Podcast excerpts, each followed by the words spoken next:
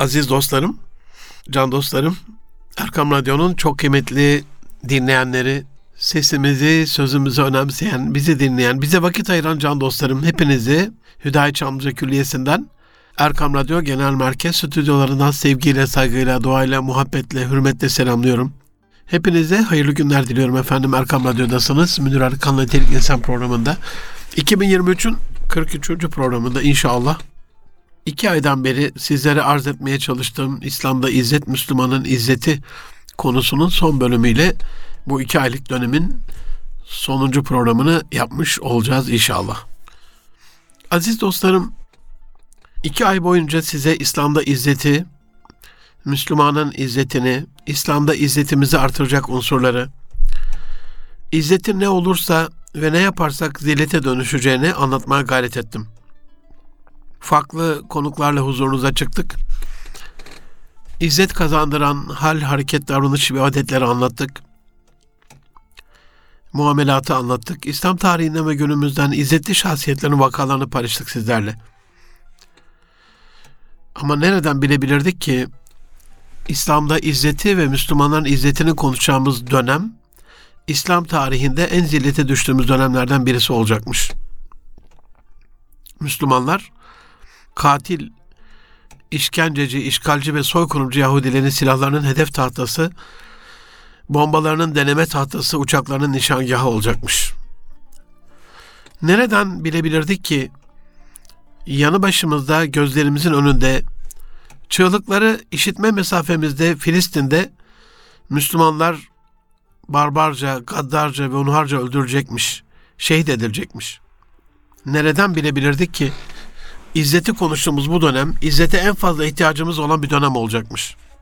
Can dostlarım tarih boyu bu topraklar çeşitli baskı, zulüm, işkence ve katliamlar gördü. Soykırımlara bile maruz kaldı. Timur geldi, Hülagu geldi, Moğollar geldi, İran Şahı Şah İsmail geldi, Mısır'dan Kavalalı geldi, Ruslar, Ermeniler, İtalyanlar, İngilizler, Fransızlar, Yunanlar geldi. Hatta birçok zaman teker teker de gelmediler. Papa'nın buyruğu ile birleşip Haçlı orduları olarak büyük bir soykırıma imza atmak kastıyla geldiler bu topraklara. Ama bunların hiçbirinde hatta soykırıma uğradığımız dönemlerde bile hatta bir örnek vereyim 28 Temmuz 1402'de olduğu gibi Osmanlı Padişahı 1. Beyazıt Timur tarafından esir alınsa bile, Osmanlı 11 yıl başsız kalsa bile, Fetret devrine o büyük uygarlık girse bile bugünkü kadar sessiz, çaresiz ve eylemsiz kalmamıştı. Bu tarihten de yaklaşık 200 yıl önce 1258 yılında Moğol Hanı Mengü Han'ın emriyle Hülagü Han'ın komutası altında birleşen çok değil. Bugünkü 15 milyon Yahudinin 1 milyar bir buçuk milyar, iki milyar İslam alemine kafa tutması gibi çok değil. O zaman da 120 bin kişilik Moğol ordularını yağmalayıp soykırım yaptığı, kitaplarını, medeniyetini, uygarlığını, şehrini paramparça darmadağın ettiği, tarumar ettiği Bağdat'ta bir milyon kişiyi katletmesi ve hatta Halife bin Muttasım'ın hani kanlı dökmeyelim uğursuzluk getirir diye halıya sarıyorlar. Atların ayakları altında çiğnenerek şehit edilmesi ve hatta bu yüzden koskoca Abbasi halifeliğinin ortadan kalkmasında bile yeniden bir diriliş umudu vardı. Mağluplarda bile bir çaba, bir izzet, bir kurtuluş umudu vardı.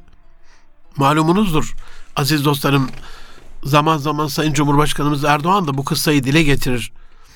Hülagı Han'ın komutasında Bağdat'a girildiğinde yapılan yağma, yıkım ve katliam. Hülagı'ya bile tiksinti verdiğinden karargahını şehrin bir 10 kilometre ötesinde dışında bir yere kurmuştur. Bir gün o karargahında haber salar Bağdat'a devrin en büyük alimiyle görüşmek istediğini bildirir.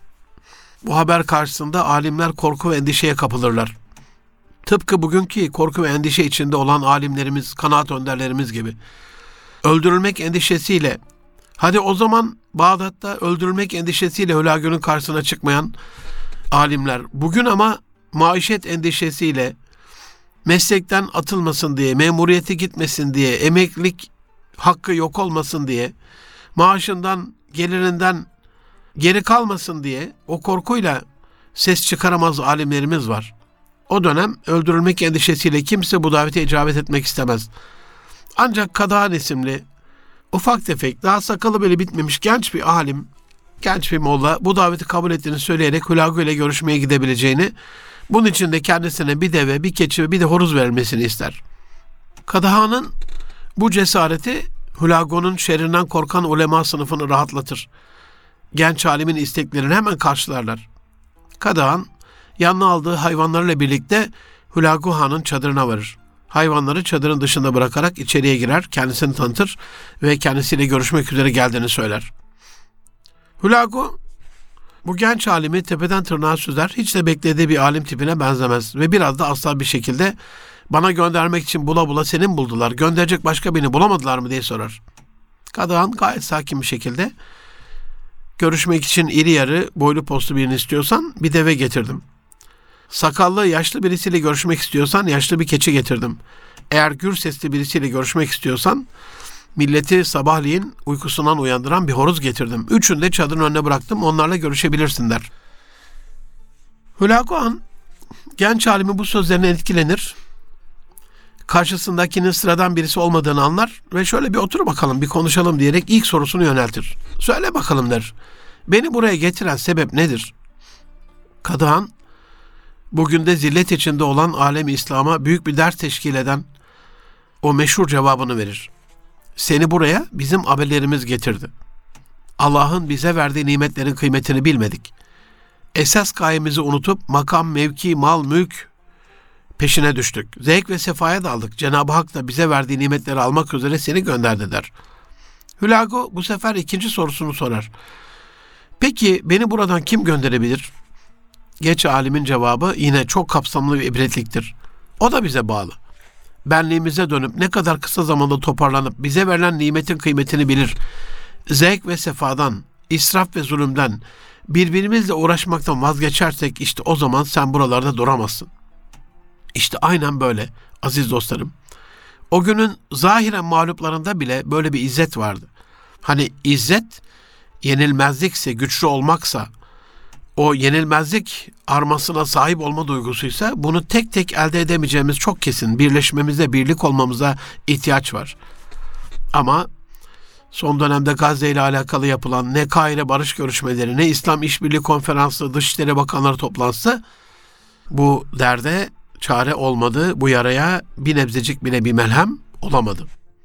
İşte o dönemin o izzeti sayesindedir ki 1800 yılların başında Kabartay bölgesi üzerinden batıdaki Çerkezlerle birleşip Kafkasya'nın birliğini sağlamak üzere o zamanın süper gücü Rusya'ya karşı bir avuç mücahitle direniş başlatan ve çok başarılı sonuçlar da alan ama maalesef Rus çarı 1. Nikola esir düşen Kafkas Kartalı Şeyh Şamil'e duyduğu saygı ve hayranlık Çar 1. Nikola bu saygınlık dolayısıyla ona hacca gitmesine izin vermiş. Malumunuz olduğu üzere hac görevini ifa etmesinin ardından Şeyh Şamil 4 Şubat 1871'de Medine'de vefat etmiş. Her Müslümanın duası ve olduğu üzere izzet içerisinde en izzetli kabristana Medine'deki Cennetül Baki'ye defnedilmiştir. Baki mezarına defnedilmiştir.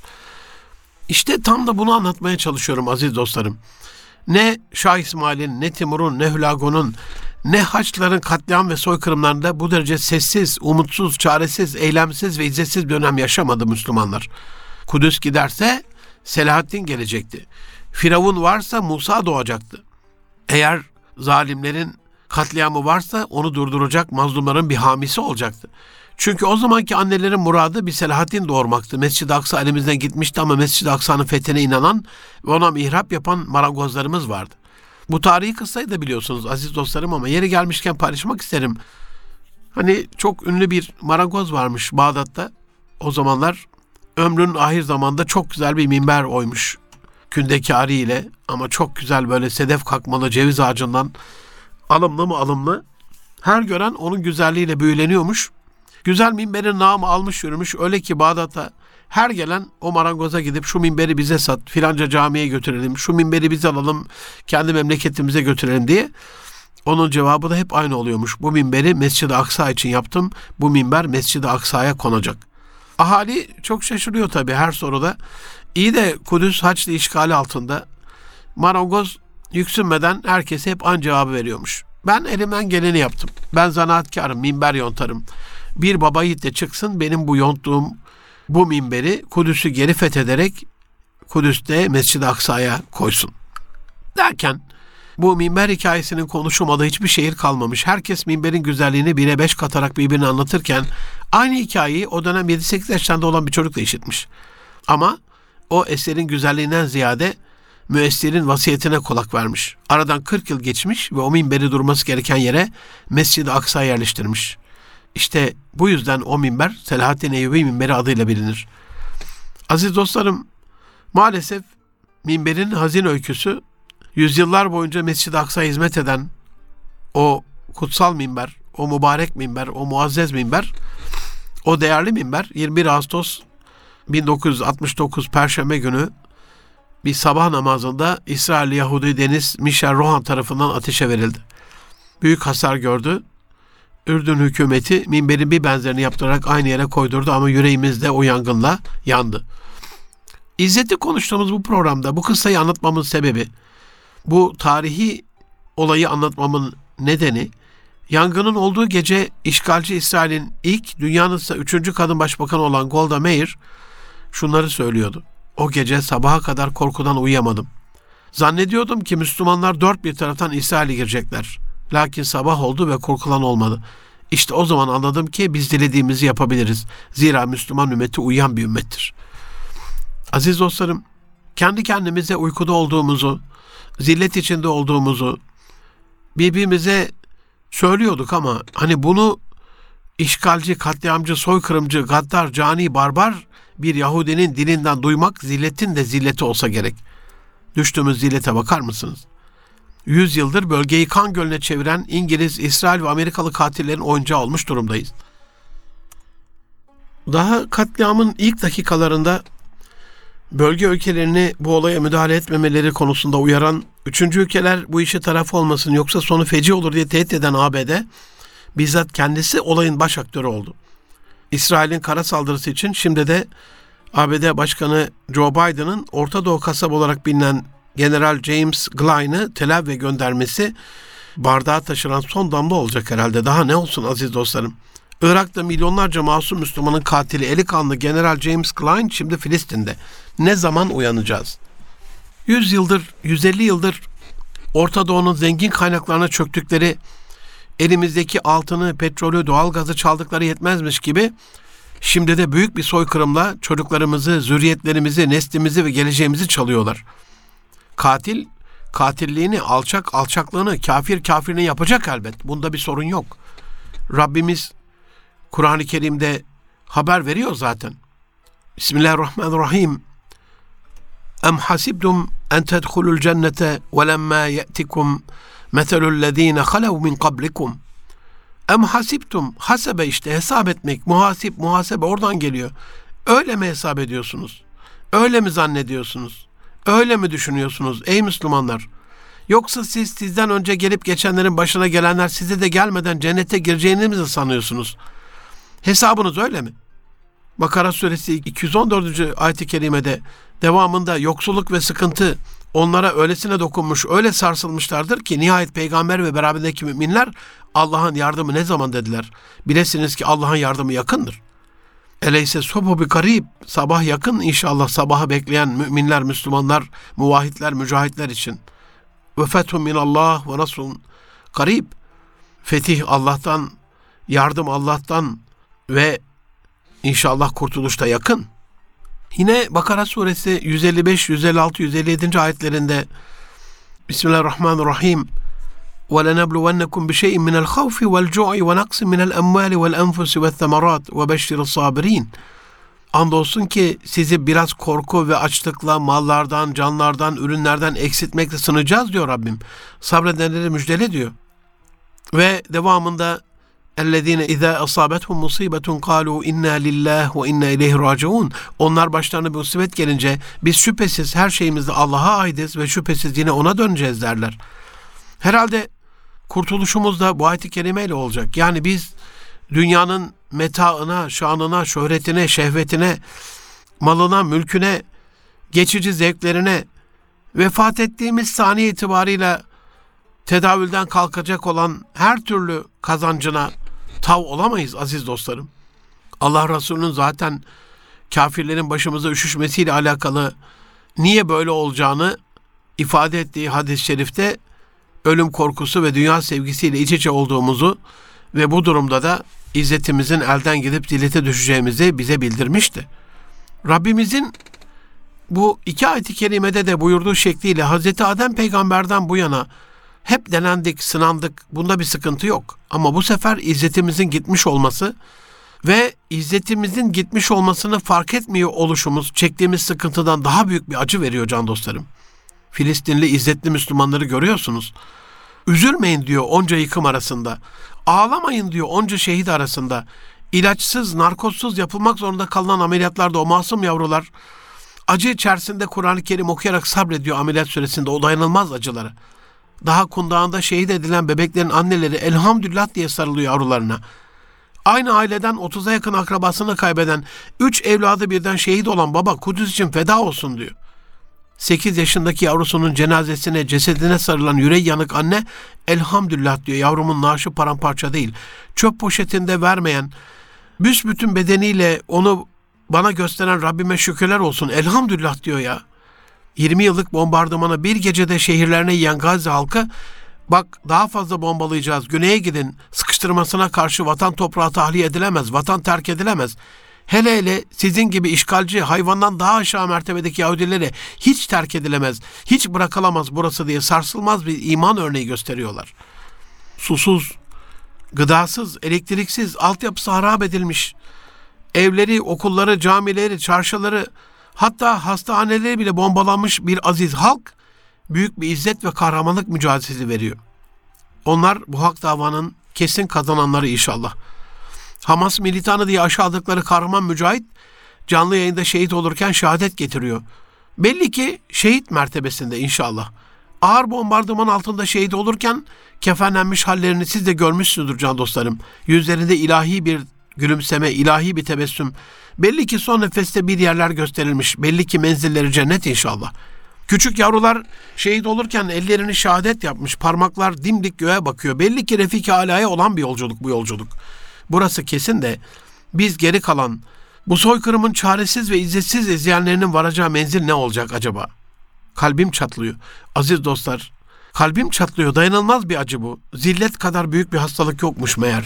Zillet kadar acı bir zehir yokmuş meğer. Üstelik bu zehir hemen içince öldüren bir zehir değil, süründüren, sürüm sürüm süründüren bir zehir. İnternette izliyorsunuz can dostlarım. Şakacıktan bebeğine ya da çocuğuna bağırıp çağıran, ona vurmaya çalışan sahibiyle kavga ediyor köpekler ya. Yahu köpek bile dayanamıyor bir bebeğe, bir çocuğa yapılacak bir fiske vurulmasına. Bırak bombalanmayı, öldürmeyi, katletmeyi, soykırıma uğratmayı. Yüksek sesle bağırdığında bile köpek araya giriyor, koruyor bebeği ya. Hayvan sahibine karşı, kendi sahibine karşı atağa geçiyor. Onu besleyen ele bile saldırıyor ya. Onu durduruyor ya. Ya da bir çocuğa saldıran köpeğin üzerine ölümünü atlayan, ölümü göze alıp atlayan kediyi izlemişsinizdir. Geçenlerde minik bir yengeç yuvasından çıkarmaya çalışan bir dalgıçın videosunu izlemiştim. Fındık kadar yengeç minnacık. Parmağıyla onu kumdan yuvasından çıkarmaya çalışıyor bir dalgıç. Başka bir fındık kadar ama ötekinden biraz daha büyük bir yengeç hemen gelip onu kollar arasına alıp yuvasından sökülüp atılmasını önlemeye çalışıyor. Yahu senin cüssen ne, gücün ne? Koskoca dalgıcı hangi kolunu engelleyeceksin? Ama elinden geleni yapıyor. O minik yengeci kolların arasına alıyor.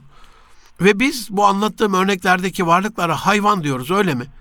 Belhum edal müsveddelerini görmezden gelerek hayvan kim, asıl hayvan kim, hatta hayvandan daha aşağı olan edaller edali, aşağılar aşağısı alçaklar kim? Bunu düşünmüyoruz, düşünelim biraz. Öldüren mi, seyreden mi, yoksa her ikisi de mi? Allah'ım aklımıza, imanımıza mukayyet ol. Bu izzetsiz halimizle ikisini de koruyacak gücümüz kalmadı çünkü.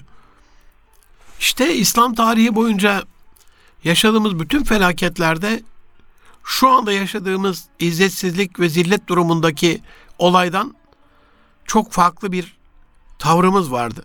Umudumuz vardı, ümidimiz vardı, çabamız vardı. Mücadelemiz, mücahedemiz, cihadımız vardı. bir şey yapamasak bile en azından o uğurda şehit olmayı göze alarak bir yola çıkmışlığımız vardı. Şu andaki durmuşluğumuz gibi değildi o dönem. İşin en zelil kısmı da bu olsa gerek aziz dostlarım. 57 İslam ülkesi kongresinde bile birlik olamadan dağılıyor. Ortak yayınladıkları bildiri de sadre şifa olacak düzeyde değil. Yüreğimiz yanıyor. Can dostlarım kısa bir ara vereyim. Bir nefes ferahlık olsun inşallah. Kısa bir ara vereyim. Programın ikinci ve son bölümüyle inşallah az sonra sizlerle beraber olacağım. Bizden ayrılmayın efendim.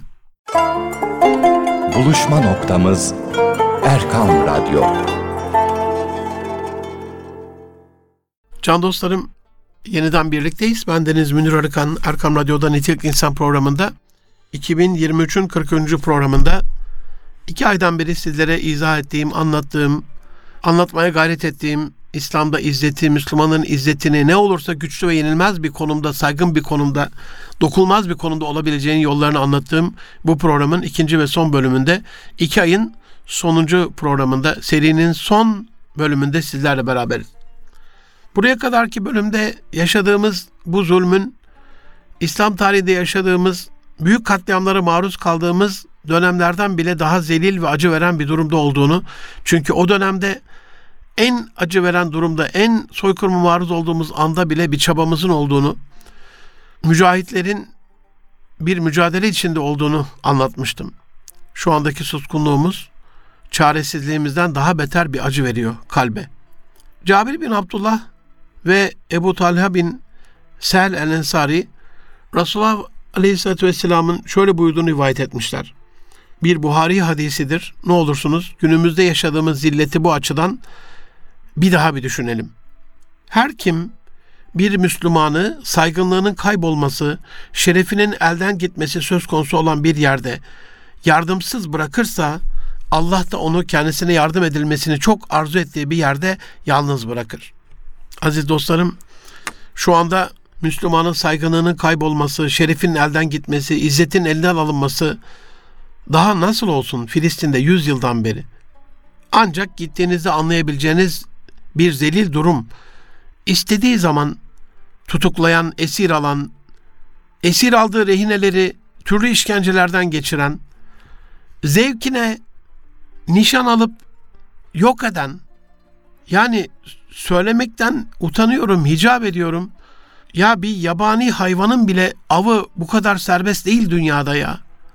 Onun bile bir cezası var. Üç tane Bering boğazında sıkışan balyalar için ne yaptığını gördünüz dünyanın onları kurtarmak adına. Yok işte duygusal zekaymış, yok empatiymiş, yok humanizmmiş, yok insancıllıkmış. Hikaye anlatmayın bana. Canını estiği yerde bombalayan, canlı estiği yerde göz koyduğu namusumuzu girip evlere kirleten ve bunu da kameraların karşısında gülerek anlatmakta bir beis görmeyen bir alçaklıkla karşı karşıyayız aziz dostlarım. Allah Resulü'nün bu tehdidi, asırlar öncesinden verdiği bu tehdidi işe yaramıyor mu? Bundan da mı gözümüz korkmuyor? Her kim bir Müslümanın saygınlığının kaybolması, şerefinin elden gitmesi söz konusu olan bir yerde yardımsız bıraktığında Allah da onu kendisine yardım edilmesini çok arzu ettiği bir yerde yalnız bırakacaktır. Bu tehdit işe yaramıyor mu? Korkmuyor muyuz? Saygınlıkları ve şerefleri beş parlık edilmek isteniyor Filistinli Müslümanların. Afrikalı kardeşlerimizin 600 yıl çektikleri ve ağır işkence ve katliamlarla geçen Batı'nın alçak kölelik tarihinde benzer şeyler yaşıyoruz. O tarihte ne gördüysek şimdi de onu yaşıyoruz. Yeniden geriye döndük. İlerliyoruz hani modernleşiyoruz. Daha insancıl, daha humanist, daha çağdaş, daha ilerici, daha empatik, daha duyarlı bir insanlık ve yaşam vaat eden Batı'nın bizi getirdiği son durak insanlıktan çıkmış vahşi alçakların yaptıkları soykırıma izleterek tüm dünyayı ortak etmeleri oldu. Son durak bu oldu. Eskiden kınamalar olurdu. Devlet bazında diyorum bunu. Halklar ayaklandı. Batın her ülkesinin değişik şehirlerinden büyük ve azımsanmayacak kitlelerince Filistin yanlısı protestolar görüyoruz hamdolsun. Bunu kastetmiyorum. Devletler de kınardı eskiden. Yapma derdi katil İsrail'e. Yahudi yerleşimcilere yani hırsızlara Yahudi yerleşimci alma, hırsız alma. Yeni yerleşim yeri yani işgal mekanları kurma derdi. Yani Yahudi hırsızlar Filistin'in evlerini yurtlarını çalmasın, hırsızlık yapmasın derdi. Birleşmiş Milletler Güvenlik Konseyi İsrail'i kınayan karar tasarılarını onaylardı. Birleşmiş Milletler'in 242 sayılı kararı gibi Yahudi yerleşimcilerin yani hırsızların sevmediği kararlar alabilirdi. Nitekim Birleşmiş Milletler Güvenlik Konseyi Kasım 1967'de aldığı 242 sayılı kararla İsrail'in işgal ettiği topraklardan çekilmesini isterdi. Halen işgal altındaki Batı Şeria ve Doğu Kudüs'teki yaklaşık 300 yasa dışı ve kaçak yerleşim biriminde yaklaşık 700 bin Yahudi yerleşimci yaşıyor şu anda aziz dostlarım. Amaç Müslümanları azınlığa düşürerek son kale Mescid-i Aksa'yı da işgal edip ele geçirip ondan sonra Süleyman Tapınağı'nı yıktıkları Mescid-i Aksa'nın yerinde yapabilmek ve Müslümanları tamamıyla Kudüs'ten atabilmek. Onlar tüm bunları yaparken dünya ses verirdi. Ama şimdi İsrail katliamının ilk dakikalarında ABD'den içleri ağzına kadar kitle imha silahları ile dolu, bombalarla dolu yardım uçakları kalktı. Birkaç gün içinde İsrail'i ziyaret eden Biden, İsrail Başbakanı Benjamin Netanyahu'ya ortak basın toplantısında bugün burada bulunmamın basit bir nedeni var. İsrail halkı ve dünyadaki herkesin ABD'nin nerede olduğunu bilmesi. Dışişleri Bakanı Antony Blinken de burada. Buraya birkaç kez geldi ama ben şahsen de gelmek istedim diyor kameraların önünde. Ardından İngiltere Başbakanı Rishi Sunak geliyor. İsrail'e destek vermek için ağzına kadar silahla dolu bir kargo uçağıyla Tel Aviv'e iniyor. Mesajı net. Biz sizinleyiz. Size yardım etmeye devam edeceğiz. Siz de bombalamaya devam edin. Orta Doğu'yu kan gölüne çeviren İngilizler bölgedeki katliamların baş mimarıdır aziz dostlarım. Bugünkü Filistin sorunu dizayn eden ve bunu çok aşağılık bir şey, şekilde uygulayan ilk zalimler onlardır, İngilizlerdir. Arapları Osmanlılara karşı bağımsızlık vaadiyle kışkırtan, Arabistanlı Lavrası olarak ajanlarını içimize sokup burada soykırımlara, katliamlara, isyanlara sebebiyet veren, sonrasında ordularıyla Orta Doğu'ya çöküp petrolü el, elimizden almak adına Osmanlı'yı parçalayan İngilizlerdir. Şimdi içimizdeki bazı satılmış ya da zır cahil gafiller Filistinliler de adam olsa topraklarını satmasaydı diyor. O dönemde Filistinliler topraklarını satmadığı gibi Yahudiler topraklarına işgalci olarak girmeye başladığında fetvalar çıkartılmış ve Yahudi'ye arazi satmanın haram olduğu konusunda yaygın bir kanaat oluşturulmuş. Filistinliler topraklarını sattığı iddiası bir Siyonist propagandası ve vicdansızlık buna kanmayalım. Ne tarihi gerçekler ne vicdan ne de rakamlar bu iddiayı kabul etmemekte. Olan şu, Batı'ya 19. yüzyılda başlayan Yahudi karşıtlığının ardından Yahudiler için bir yurt arayışının başladığı kesin ve İngiltere 1917'de Balfour Deklarasyonu ile başkasına ait toprakları kağıt üzerinde gayri ahlaki bir şekilde Yahudilere vererek bugünkü çekişmenin başlamasına sebep oldu. Siyonist amaçlarla Yahudilere bölgede bir devlet verilmek istendi.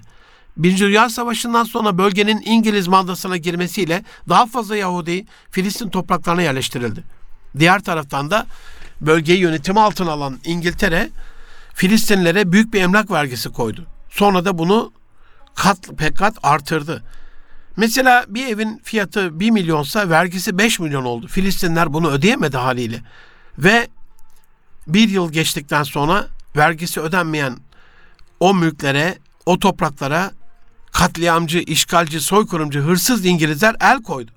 Ve el koydukları o toprakları Yahudi yerleşimcilere sattı. Arazilere el konulması 1948'e kadar sürdü aziz dostlarım. Bu dönemde Filistinler yerlerinden, yurtlarından, vatanlarından sürülüp zorla çıkartıldı. Silahlı Yahudi çeteler daha fazla silahlandırıldı. Filistin köylerini basmalara teşvik edildi. Büyük katliamlarına çanak tutuldu. Büyük kitleler böylelikle yerlerinden, yurtlarından edilip o başta amaçladıkları Yahudi devletine yer açıldı. Diğer taraftan da 5 milyon aşkın insanı mülteci durumuna soktular. Bundan dolayı bu insanlar için 194 sayılı karar var elimizde. Ne diyor Birleşmiş Milletler'in bu 194 sayılı kararı? Geri dönüş hakkı diye bir haktan bahsediyor bu karar. Toprağını gönüllü olarak satanlar için böyle bir uluslararası bir hukuk kararı olabilir mi? Tabii ki olamaz. Dolayısıyla ne olursunuz bu şekilde zırvalayan, bu şekilde alçaklık yapan, cahillik yapan kişilere karşı uyanık olun en azından. Böyle bir durum yok. Filistinlerin toprak satması değil, Filistinlerin topraklarına el konulması var. Bunun için büyük ve şu andaki yaptıkları gibi Birleşmiş Avrupa'nın Hristiyan Haçlıların Yahudilerle birleşerek Müslümanlara yaptığı bir soykırım var. Can dostlarım gerçekten zor. Filistin'de bunca katliamı yaşaması elbette zor ama Kudüs yürekli anneler var orada. Eli taş tutar yaşa gelince İsrailli katillere o küçücük yumrukları kadar taşlar atmanın izzetini yaşıyorlar. 3 yaşındaki sabiler elleriyle korkusuzca zafer işareti yapıyorlar. Alç- alçak İsrail askerlerine karşı, silahlı İsrail askerlerine karşı dimdik yürüyorlar. Yürümekte zorlanan o küçük yavrular dimdik durarak ellerinde Filistin bayrağı taşıyorlar gururla. 7 yaşında bir kahraman 3-5 İsrail askerine diklenip bu topraklar benim zamanı gelince alırım diyebiliyor. Yani bir direniş var bu işgale karşı Filistin'de. Bu direniş onları dipdiri, capcanlı ve izzetli tutuyor. Peki bizde ne var? İşte tam da bu yüzden anlatması, konuşması yerinde yaşamaktan daha beter oluyor bizim için. Daha fazla yüreğimizi parçalıyor. Orada bunca katliamı yerinde yaşayanlar ellerine ne geliyorsa onu yapıyor. Filistin'de bir anne ben altı çocuk doğurmalıyım diyor. İkisini İsrail öldürecek zaten. İkisi evin ihtiyaçlarını karşılayacak. İkisi de bu kutsal Filistin davası için okuyup kendini geliştirecek, vatan için çalışacak. Ve bunu sağlamak için o Filistinli annenin doğurduğu altı çocuğunu ayrı ayrı akrabalarının evlerinde büyütüyor Filistinli babalar. Bir gece kalleş bir İsrail bombası ile bütün aile yok olmasın. Bari en azından birkaç tanesi hayatta kalsın diye birbirinden uzakta büyütüyor aile. Filistinli çocuklar anne baba acısına dayanarak büyüyor zaten. Buna sabrediyor daha ne olsun. Mühendisleri silah yapıyor soba borularından. Roket yapıyor kanalizasyon borularından. İnşaatçılara tüneller yapıyor yerin altına. Onca bombardımana dayanan, onca işgale dayanan, onlarca yıllık soykırıma da- dayanan, direnen bir şehir kuruyor yerin altına.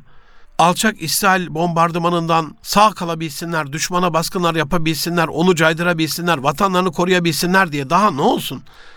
Yani hazırlık yapıyor Filistinli izzetli Müslümanlar, can dostlarım. Aynen Rabbimizin Kur'an-ı Azimüşşan'ında buyurduğu şekliyle onlara karşı gücünüzün yettiği kadar kuvvet ve besil atlar hazırlayın. İşte bugünün kuvveti tünelse tünel, roketse roket, bombaysa bomba, SİHA ise SİHA, İHA ise İHA. Besile atlar hazırlayın diyor Rabbim. Bugünün besile atları uçak gemisi ise uçak gemisi, savaş gemisi ise savaş gemisi. Kıtalar arası balistik füze ise balistik füze. Caydırıcı nükleer silahsa nükleer silah neyse artık. Bunu hazırlayın diyor Rabbim. Bununla Allah'ın düşmanı ve sizin düşmanınızı ve bunların dışında sizin bilmeyip Allah'ın bildiği diğer düşmanları korkutup caydırırsınız diyor. Allah yolunda her ne infak ederseniz size eksiksiz olarak ödenir ve siz haksızlığa uğratılmazsınız. Bu emre uyup onca yokluk içerisinde ellerinden geldiği kadarıyla düşman için bir karşılık hazırlıyorlar. Hazırlamışlar da zaten görüyorsunuz. Dünyanın süper gücü Amerika'nın desteklediği İsrail bile baş edemiyor. Görüyorsunuz hazırlık yapmışlar. Bir karşılık bulundurmuşlar o yokluğun içerisinde. Peki ya biz? Onlar bu işgale, bu soykırıma, bu katliama karşı duruyorlar. Peki ya biz? Biz ne yapıyoruz aziz dostlarım? Biz sabrediyoruz. Hayır hayır. Sabır bu değil. Sabır çölde bedevinin o suya kavuşma ümidiyle yaptığı mücadele. O hal sabır hali, çabalaması. Biz sabretmiyoruz, biz seyrediyoruz. Vallahi seyirci kaldığımız bu zulme, seyirci kaldığımız süre kadar uğramadan canımız alınmayacak. Bu hakikat de mi kalbimizi çatlatmıyor? Bu hakikat de mi bizi kendimize getirmiyor can dostlarım? İzzet yoksa gelecek yok. İzzet yoksa cennet yok. İzzet yoksa zillet çok. Ya izzet ya şehadet ötesi yok. Aziz dostlarım geçen hafta merhum Üstad Cengiz Numanoğlu'nun ya Kur'an ya Hüsran Üçüncüsü yok şiirini okumuştum tamamını. Yeniden tamamını okumayayım ama izzetle alakalı insanlık yanıyor ateş bacada. Fitneler kaynıyor bin bir locada. Umut kuyrukları cinci hocada. Sanma ki önünde seçenekler çok. Ya izzet ya zillet üçüncüsü yok. Kıtasını hatırlatmak isterim. İnsanlık yanıyor gerçekten ateş bacada. Üçüncü Dünya Savaşı terennüm ediliyor. Dillerde fitneler kaynıyor. Binbir locada farklı farklı şeyler, hesaplar. böyle bir dönemde ya izzet ya zillet üçüncü bir seçeneğin olmadığını bilmemiz gerekiyor aziz dostlarım. Can dostlarım, aziz dostlarım, böylelikle iki aydan beri size sunmaya gayret ettiğim izzet konusunu hitamına tamamına erdirmiş bulunuyorum. Rabbimden ümmeti Muhammed'e yeniden izzetini bahşedeceği bir dönem yaşatmasını istirham ediyorum, temenni ediyorum, dua ediyorum, yalvarıyorum, istiyorum. Ama bu konuda da inşallah gördüğümüz izzetsizlikleri, yaşadığımız zilleti birbirimize söyleyerek, birbirimizi bu konuda uyararak bu zilletten çıkmamız gerektiğini birbirimize hatırlatalım inşallah. Ben bir Gaziantep çocuğuyum. Gaziantep, Kahramanmaraş, Hatay, Adana, Osmaniye'de on binlerce canımızı katleden alçak Fransızların ürünlerini kullanan abilerimizi ve ablalarımızı gördüğümde yüreğim acıyordu bugüne kadar. Ama bu soykırımcı, işgalci katiller şimdi de binlerce canımızı katleden İsrail'de Macron dayanışma, yardımlaşma ve destek ziyaretinde Netanyahu'yla İçimizdeki batı uşağı satılmış soysuzlara, alçaklara, cahil duyarsızlara ya da umarsız kaygısızlara benim bir lafım yok. Ama tişörtlerinde Fransız timsahı logosu ile güzel, bakımlı, yakışıklı, modern ve stil sahibi olduğunu düşünerek bu alçakların ürünlerini üzerine giyen bizim mahallenin duyarlı insanları bilsinler ki mahşerde o timsahlara atılıp yem olacaklar. Artık yeter. Biraz izzetli davranalım ne olur. En azından Rabbim ben bunu yaptım diyebileceğimiz bir eylemimiz olsun. En azından onları taklit etmeyelim. En azından peşlerinden gitmeyelim. En azından o zillete düşmeyelim. Bu duygularla inşallah cuma günü de ailede izzet kısmında ailecek yapabileceklerimizi anlatmaya gayret edeceğim. Rabbim bu durumları bilmiyor olamaz. Kıyamete kadar reçetesini göndermiş. Yeniden Kur'an'a sarılacağımız, Allah'a dayan, sahaya sarıl, hikmete rağm ol, yol varsa budur ancak bilmiyorum başka çıkar yol diyor ya şair Mehmet Akif. Aynen öyle. Allah'la konuşacağımız, Allah'la görüşeceğimiz, Allah'la tanışacağımız herhalde asıl reçete bu olacak. Allah razı olsun Selim Cerrah dostumun söylediği şekliyle Allah'ı tanıyor musunuz diye soruyordu. Yani Esma'yı, Esma-ül Hüsna'yı, Allah'la konuşuyor musunuz diye soruyordu. Yani duayı, duaya devam etmeyi, Allah'la buluşuyor musunuz soruyordu. Yani namazı ve özellikle teheccüdleri ve Allah'la görüşüyor musunuz diyordu. Allah'ın bize yolladığı kitabı, Kur'an'ı, ilahi reçetesini okuyup uygulayanlardan eylesin Rabbim bizi. İzzetli günler diliyorum can dostlarım. Yüreğimiz yanık. İzzet içre inşallah en azından son nefesimizi izzet üzere vermemizi Rabbim lütfeylesin. Yeniden bizlere imdad eylesin, acısın, merhamet eylesin.